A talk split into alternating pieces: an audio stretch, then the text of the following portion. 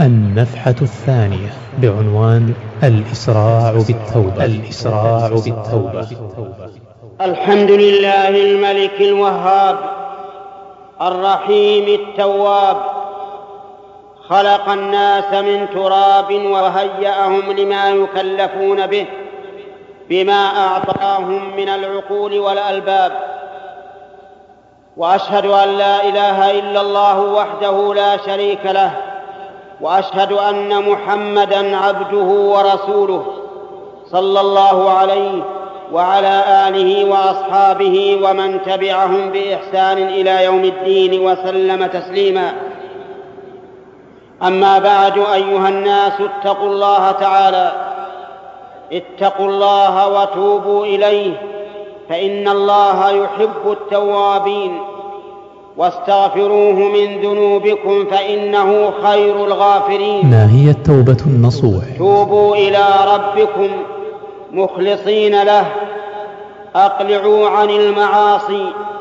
اندموا على ما فعلتم منها. اعزموا على أن لا تعودوا إليها. فإن هذه هي التوبة النصوح. التي أمركم الله بها في قوله يا أيها الذين آمنوا توبوا إلى الله توبة نصوحا. عسى ربكم أن يكفر عنكم سيئاتكم ويدخلكم جنات ويدخلكم جنات تجري من تحتها الأنهار.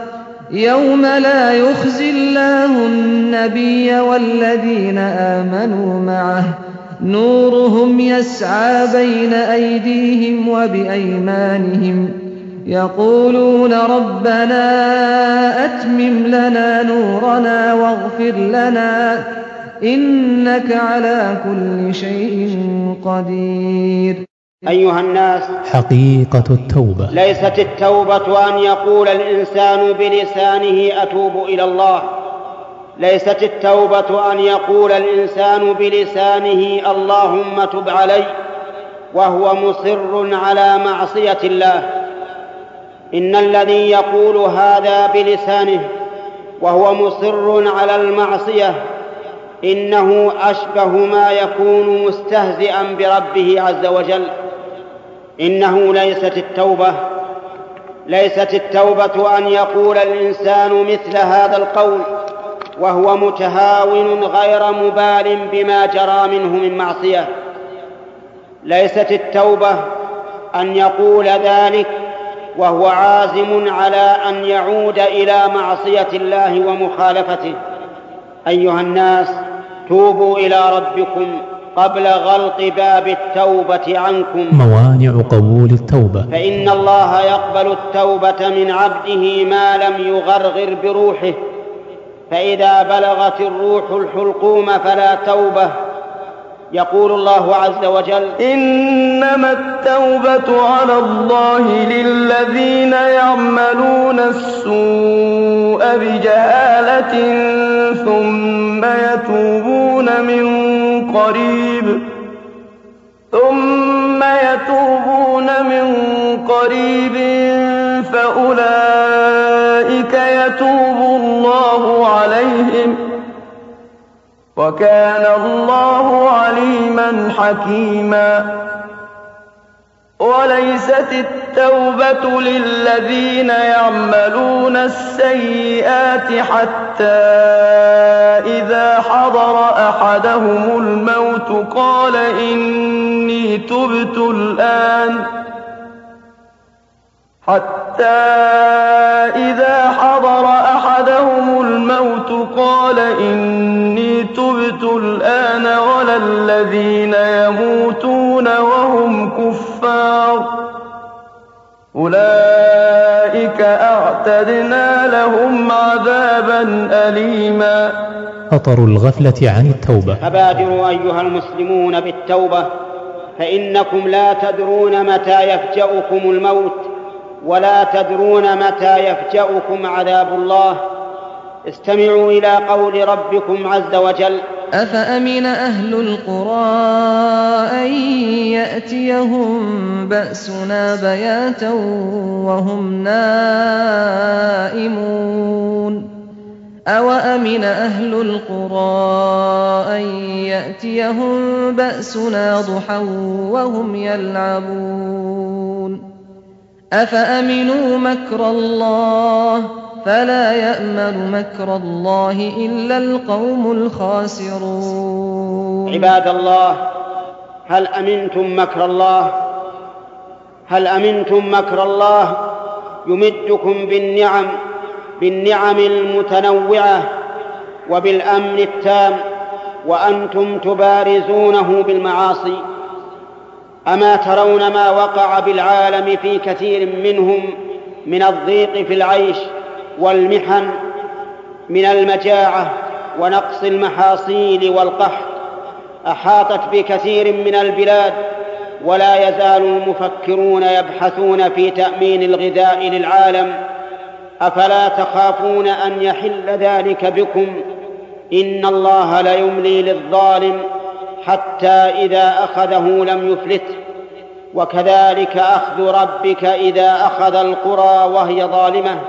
إن أخذه أليم شديد. احذر قسوة القلب. إن من أعظم العقوبات قسوة القلوب ومرضها.